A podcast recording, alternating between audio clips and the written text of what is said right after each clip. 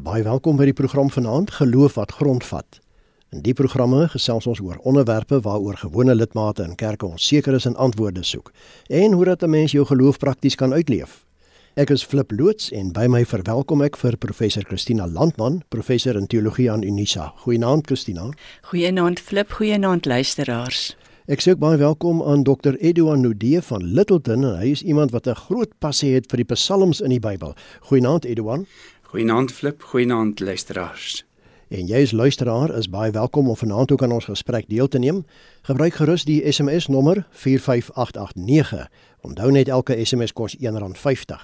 En nou sê ek maar so aan die begin van die program dat vanweë die COVID beperkings kan ons ongelukkig nie direk vanaand op jou SMS reageer nie, maar ek verseker jou dit kry deeglike aandag veral deur ons kundige wat saamgesels. Hierdie program gee nie aan jou as luisteraar voorskrifte van presies hoe om te lewe nie, maar dit gee riglyne waarbinne jy self keuses kan maak. En RSG stem ook nie noodwendig saam met die opinie van enige persoon wat aan hierdie program deelneem nie. Dit gebeur soms dat mense dele in die Bybel moeilik verstaanbaar vind, soos byvoorbeeld waar van die skrywers van die Psalms God se hulp inroep om hulle vyande te vernietig.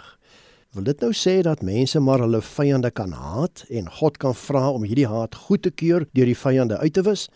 Geloof wat grondvat gesels vanaand hieroor. Christina, lei vir ons die gesprek in. Wanneer is iemand jou vyand en geld dit net in oorlogstye? Flip die Bybel gee nog al 'n hele paar kyke op jou vyand. Die oorloë in die Ou Testament was godsdienstoorloë en daarom is jou vyand die een teen wie jy saam met God opstaan en teen wie jy veg met God aan jou kant.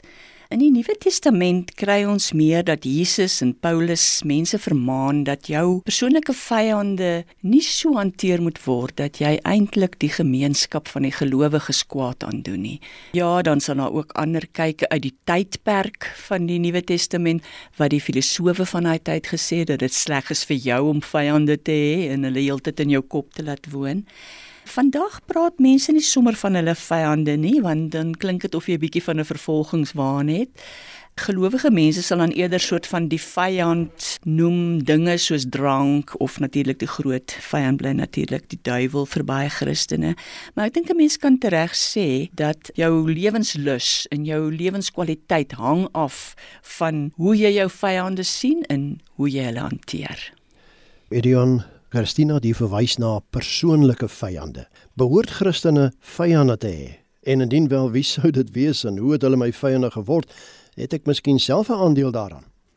Flip, weet jy daar's 'n staaltjie uit die wêreld van Bybelvertaling waar die taalkundige vir 'n inheemse spreker gevra het, "What do you call mosquitoes in your language?" Waarop hy baie vinnig antwoord we don't call them they just come. In 'n sekere sin is dit nou wat vyande ook betref. Ek soek hulle nie, maar hulle kom maar net. En voor jy jou weet, het jy jouself vasgeloop in 'n verhouding of 'n transaksie of in een of ander ooreenkoms, dit gebeur net. Hulle soos muskiete, hulle kom maar net. En aangesien hulle maar net kom, kan 'n mens vir jou vra, wie is hulle? En As jy mens nadink oor wie is vyande in jou lewe, dit is 'n wye spektrum oor die hele gemeenskap. Dit kan jou politieke opponent wees, dit kan 'n sake vernoot wees. Dit kan 'n huweliksgenoot wees. Een van die aangrypendste tekste in die Bybel wat vir mense wie dit kan wees, kry ek in Psalm 55 vers 13, waar ek lees: "Maar dit is jy, 'n mens soos ek, my boesemvriend en vertroueling." Ons wat vertroulike gesprekke saam geniet het terwyl ons in die huis van God loop in die gedrang van mense. En hierdie twee mense het met mekaar geskille opgetel. Hoe het hulle dan my vyande geword? Ek dink die ou nagmaalsformulier gee nog vir ons altyd 'n goeie spektrum kategorieë wanneer dit praat van sondes, van gedagtes, woorde, dade, versuim.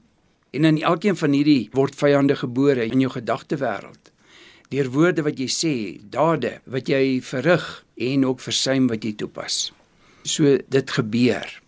En dan het ek dalk self 'n aandeel daaraan, dan sê die psalms inderdaad. Die psalms is nie daar om ons te verontskuldig nie. Trouwens die psalms roep ons juis tot verantwoording. En daarom kry jy die helderste sondebelydenisse. En ek noem maar net een voorbeeld Psalm 51. Wees my genadig o God wis my oortredings uit volgens die groot ontferminge. En dan gaan die psalms ook verder en sê Maar dan moet jy terselfdertyd ook bid dat jy nie in sonde verval nie. Ek dink maar net aan Psalm 141 vers 3. Here plaas 'n wag voor my mond en bewaak die deur van my lippe. Ons kan daai gebed van Psalm 141 nie genoeg kere bid nie. En dan natuurlik 'n laaste, sê die psalms ook vir ons, kom daar 'n tyd dat jy onskuld verklaar, dat jy so oortuig kan wees dat jy regtig reg het. Dat hierdie persoon sê Here, oordeel my dan op grond van my geregtigheid, op grond van my onberispelikheid. Psalm 7 byvoorbeeld waar dit na vore kom. So vyande, hulle kom op jou pad en jy moet dit hanteer. Jy moet jou eie aandeel heel eerste daarin erken en die Bybel leer vir jou kortpad uit hierdie dilemma uit is bely jou skuld. Persina as dit nou so is soos Edouan gesê het dat die vyande soos muskiete op my kan toesak, hoe erg negatief moet ek ingestel wees daarop dat ek agtergekom het daar's nou die een of ander vyand wat ek het. En hoe kan 'n mens die situasie hanteer? Kyk nou dat Edouan vir ons so mooi gesê het dat 'n mens het maar 'n aandeel in die vyande wat jy het is die ergste soort vyand waaraan ek kan dink is wanneer jy op 'n dag agterkom iemand is kwaad vir jou en jy weet nie regtig hoekom nie. Jy het nie die persoon iets aangedoen nie, maar miskien het jy die persoon se posisie gevat of die persoon se kerel gevat of iets van die aard. Hoe hanteer jy nou so iets? Jy kan nie gaan praat met die persoon nie want die persoon sal dit ontken en dan voel die persoon dat hy of sy nou eintlik ontmasker is as 'n bietjie kleinlik, jy weet. Wel, ek sou sê die beste om dit te hanteer is om maar gewoonweg net met die persoon klaar te kom op so 'n manier dat sonder om gesig te verloor, die persoon tog wel 'n gaping kry om weer jou vriend te word. Maar sodra jy die persoon verkleineer of sy waardigheid aantas, is dit natuurlik baie moeilik om daardie verhouding te herstel. 'n Ander manier om dit te hanteer is soos die Bybel ook sê, is om maar die persoon met goedheid te oorlaai totdat hy of sy skaam kry. So leer 'n mens so 'n persoon 'n les, maar almal is natuurlik nie ewe leerbaar nie. Dit kan werk of dit kan nie werk nie, maar As ek nou na die psalms kan verwys, dan dink ek die psalm sê vir ons is goed om nou en dan regtig kwaad te word as jy voel daar's ongeregtigheid gepleeg. Is goed om kwaad te word. Hulle gee ook dan vir jou heelwat verse om aan te haal om jy kwaad te word, maar om dan aan te beweeg en dit is my altyd die heerlikheid van die psalms. Ek is altyd verras dat daar beweging in die psalms is van die diepste donkertes. O God, hoekom het U my verlaat tot ek jubel in die Here? So is daar beweging in die psalms en ek dink met die herstel van verhoudings kan dit ook so wees dat dit is van regtig kwaad word vir iemand of vir iets oor die ongeregtigheid en dan in 'n ander rigting aan te beweeg. Ek wil net vir ons luisteraars sê, die wat miskien nou net ingeskakel het, ons gesels vanaand 'n bietjie oor die psalms en of die psalms ons leer om mense te haat. En nou Edouan, ek lees wel in Psalm 5 verse 9 en 11 hierdie woorde: Omdat ek vyande het, Here, alwaar hulle dink is my ondergang, laat hulle daarvoor boet o God. Nou is my vraag, wil Dawid en van die ander psalmskrywers hier God se arm draai om sy vrees en haat goed te keur en sy vyande dood te maak? Flip, ek dink dat Psalm 5 is vir ons een van die mooiste en eenvoudigste psalms oor 'n komplekse ding van vyandskap tussen mense en die godsverhouding. Psalm 5 wil die kontras tussen die regverdige en die goddelose baie sterk beklemtoon. En aan terselfdertyd ook byvoeg, maar kyk die bidder se gerigtheid en sy aanspraak op die Here te midde van hierdie persoonlike moeilikheid wat hy het. Hy sluit nie sy vyand uit in sy gesprek met die Here nie. En vyande is simptomaties van 'n gemeenskap waar die verhoudinge tussen individue sowel as die verhoudinge met God versteurd is en die regte van die individu nie meer beskerm word nie. En dit is in hierdie dilemma waarin ons ons bevind in die samelewing dat vyandskappe na vore kom en waar ons as gelowiges ernstig ons vyande voor die Here moet bring en ook met die Here moet praat oor hierdie baie baie moeilike situasie. Ons kan nie anders nie. Dit is RSG met die program Geloof wat grondvat en ons gesels vanaand oor leer die psalms my om mense te haat. Ek is Flip loods en my gaste is professor Christina Landman en dokter Eduan Nudie. En jy's luister dan kan gerus saamgesels, gebruik die SMS nommer 45889. Onthou net elke SMS kos R1.50. Christina, Hoe maak ons met die Nuwe Testamentiese uitsprake soos in Matteus 5 verse 43 en 44 waar Jesus sê: "Julle het gehoor dat daar gesê is: Jou naaste moet jy lief hê en jou vyand moet jy haat. Maar ek sê vir julle, julle moet julle vyande lief hê." Weerspreek die Bybel homself wat die Ou en die Nuwe Testament hier aanbetref? Flip Matteus 5 vers 43 en volgende is natuurlik deel van die bergrede. Om jou vyand lief te hê is om te sê ek kyk na die groter prentjie. Ek kyk nie na my voorkeure en afkeure in mense nie om my vyand lief te hê is om die koninkryk van God op te bou, om ter wille van die groter gemeenskap, die Christelike gemeenskap, my eie vyandskappe op die altaar te lê sodat die koninkryk van God uitgebou kan word. Daardie boodskap van liefde wat Jesus hier verkondig is nie onskuldig nie. Dis nie maar net sommer draai jou ander wang dat iemand boor jou kan loop nie. Daardie uitspraak is gemaak terwyl die Israeliete deur die Romeinse ryk beheer is waar alles oor mag gegaan het. Vir Jesus om te kom en daardie magidee te ondermyn met liefde was nie polities onskuldig nie en dis waarom die Romeine geweldig bedreig was deur hierdie boodskap van liefde en dit is ook hierdie boodskap van liefde wat gemaak het dat die Christendom baie sterk versprei het veral onder die verskoptes en die verstotenis en die mense wat heeltemal net deur mag oorheers is. So om die ander wang te draai dink ek nie wil Jesus bedoel dat jy maar net passief moet wees en toelaat dat ander jou boelie en dat jy maar net 'n vloerlap is omdat jy nie 'n ruggraat het om iets anders te wees nie. Nee. Dis eintlik om jouself en die ander persoon te bemagtig om hulle menswaardigheid en hulle menslikheid en sulke groot woord kan gebruik so subjektiwiteit, jy weet, om dit ernstig op te neem. Dit is wat dit beteken om lief te hê waar daar haat is en om lief te hê waar mense jou met mag wil boelie. Edwin, waarom is daar in die psalms, kan ek nou maar sê, 'n amperse haat by veral Dawid teenoor sy vyande of verstaan ons dalk die psalms verkeerd? Flip, ek het baie keer al gewens dat die psalms nie so skerp op die vyande neergekom het nie. Trouwens die kerk het selfs in sy liturgie en in sy leesrooster groot probleme wanneer dit kom by tekste wat hulle indeel en skielik duik hier baie kras uitspraak van die psalmdigter op. En dan weet die kerk nie wat om daarmee te doen nie en dan sny ons dit uit uit ons liturgie uit en dan sny dit uit uit ons leesrooster en op die einde sê ons net vir mense een of ander rede dat ons nie kan nie.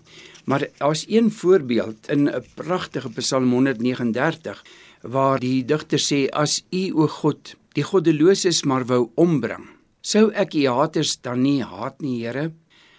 In hulle wat teen u opstaan nie 'n weersin hê nie? En dan sê hierdie woorde ek haat hulle met 'n intense haat. Vyande het hulle vir my geword. Dis Psalm 139 Dis die pragtige Psalm wat vir ons alles vertel oor die alomteenwoordigheid van God en van die alwetendheid van God dat ek nêrens heen kan vlug of God is daar. En skielik duik hierdie op en dan voel dit vir my mens met dit pas nie. En deur die eeue een was daar 'n ongemak oor daardie verse 19 en aan van Psalm 139. Maar dit het 'n baie uitdruklike doel in die Psalm, naamlik om ons te sê dat in hierdie pragtige skepping waar God oral teenwoordig is en waar hy alles weet en selfs van die hare op my kop ook dat daar nogtans 'n vals noot in die skepping weer klink. En die teenwoordigheid van die vyand versteur hierdie harmonie tussen God en die mensdom. En daarom hierdie ernstige gebed dat hulle selfs vernietig moet word. So dit gaan nie oor die uitwissing van 'n persoonlike vyand nie, maar dit is ten diepste 'n gebed wat bid om die herstel en die uitbou van God se eer in hierdie skepping. En wanneer ons dit in daardie konteks sien, dan besef ons ons mag nie hierdie baie skerp tekste net uithaal nie. Ons moet daarmee saamleef. Dit herinner ons dat ons op pad is na 'n werklikheid wat God vernuwe en intussen dat ons tot hom ons moet rig en tot hom moet bid. Christina, hoe ervaar jy dit in die praktyk in die gemeentes? Kry mense dit regtig reg om vyande te vergewe of bly die haat daar? Byvoorbeeld as iemand 'n dierbare vir my doodmaak of 'n krag of besteel het. Ja, een van my groot helde se dominee wat beroep is na gemeente toe, voordat hy daar gekom het, het hy nie geweet dat daar groot skeurings was nie. En toe hy dit agterkom, het hy gewoon vir die gemeente gesê, ek gaan nie myself by hierdie skeurings laat betrek nie en ter wille van die gesondheid van die hele gemeente gaan almal dieselfde hanteer word en ons gaan almal mekaar gelyk in die oë kyk en so die groter goed van die gemeente toe die norm geword waarteen mense dan eintlik hulle risies gesien het. Maar nou ja aan die ander kant kan die dominee nou ook nie ignoreer dat daar mense in die gemeente is wat mekaar baie seer gemaak het nie. Jy kan dit gewoon nie ignoreer nie. Jy kan dit ook nie net laat lê nie dan word dit erger. Dan is dit beter om elke geval te hanteer soos wat die geval dit vra nie te laat lê nie, maar ook nie so te hanteer dat die groter goedheid van die gemeente daaronder skade ly nie. Edouan, hoe ontlont 'n mens die spanning tussen jou en iemand wat as 'n vyand beskou word? Het die psalms vir ons 'n antwoord? Flip, ek dink dit is baie belangrik dat 'n mens eerlik met jouself voor die Here moet wees en dat 'n mens hierdie hartseer ook voor die Here erken en hom vra dat hy vir jou moet help om die beste uit te maak. Iemand het eendag die kort gebed gebid, Here, verander die wêreld, begin by my. En dit is wat Psalm 141 vir ons leer. Mag my gebed standhoudend voor U wees soos reukwerk. Die ophef van my hande soos die aandoffer. Here, plaas 'n wag voor my mond en bewaak die deur van my lippe. Moet my hart nie laat neig na iets wat sleg is nie, sodat ek nie deur 'n misstap roekeloos optree saam met die manne wat onreg pleeg nie, laat ek tog nie aan hulle lekkernye proe nie. En ek dink as 'n mens hierdie gebed ook jou eie maak, elke dag Psalm 141 sit by wag voor die deur van my mond, sal daar baie baie minder reperkusies wees in ons optrede. Jy luister na RSG met die program Geloof wat grondvat en ons gesels vanaand oor leer die psalms my om mense te haat. Ek is Flip Loots en my gaste is professor Christina Landman en dokter Eduard Nudee. Jy's luisteraar nog geleentheid. Gesels gerus saam, gebruik die SMS nommer 45889. Onthou net elke SMS kos R1.50. Christina, hoe moontlik dink jy is dit dat twee mense wat in 'n haat teenoor mekaar verhouding leef, beide Christene kan wees? En wie moet eers toegee en vergewe? Ja, wel, dit gebeur dikwels dat twee Christene mekaar regtig verkeerd opvryf en dat dit lyk of daar regtig geen versoening tussen hulle moontlik is nie en dit is waarskynlik omdat elkeen van hulle dink ek gaan nie sommer oor my laat loop nie. 'n Christen moet dit juis nie doen nie. 'n Christen moet juis opstaan vir geregtigheid en elkeen van hulle dink hulle is reg. En elkeen van hulle dink ook dat as jy net maklik vergewe, dan stel jy jouself bloot dat dit net weer en weer kan gebeur. So daarom praat hulle maar van 'n uh, just forgiving. Dit is nou regverdige vergifnis. 'n Mens moet nie net sommer vergewe voordat daar nie eers tussen die twee wat kwaad is vir mekaar 'n ooreenkoms is oor wat is dit wat verkeerd gebeur het en dan op grond daarvan mekaar se vergifnis aanvaar en dan ook ooreenkom dat dit nie weer sal gebeur nie. Maar dit klink nie na 'n maklike proses maar dis 'n uiters uiters moeilike proses waar die waardigheid van al twee die persone wat in daai verhouding is natuurlik in ag geneem moet word. Ek kan maar net sê liefde bevestig die lewe en haat ondermyn lewe. So waarvoor ons dan moet kies is maar in so 'n verhouding dit nie net laat staan dat dit so staan in kook en opkook nie, maar dat ons tog maar sal sê kies vir die liefde opsie want dit bevestig lewe.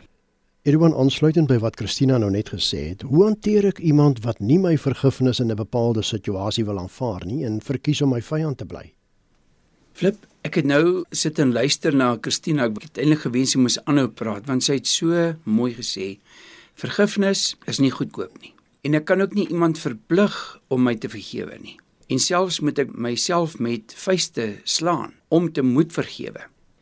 Maar vergifnis is 'n opdrag. Ons moet daaraan werk.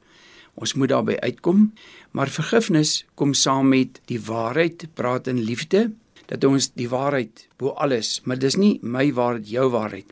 Dis die waarheid in liefde en saam met versoening wat daarop moet volg en ook 'n gesprek oor restituisie, genoegdoening of skadeloosstelling, hoe ek jou kan help, hoe kan ons kyk dat dit nie weer gebeur nie en om dan uiteindelik by versoening en vergifnis uit te kom. Vergifnis is nie goedkoop nie, maar dit is 'n blywende opdrag.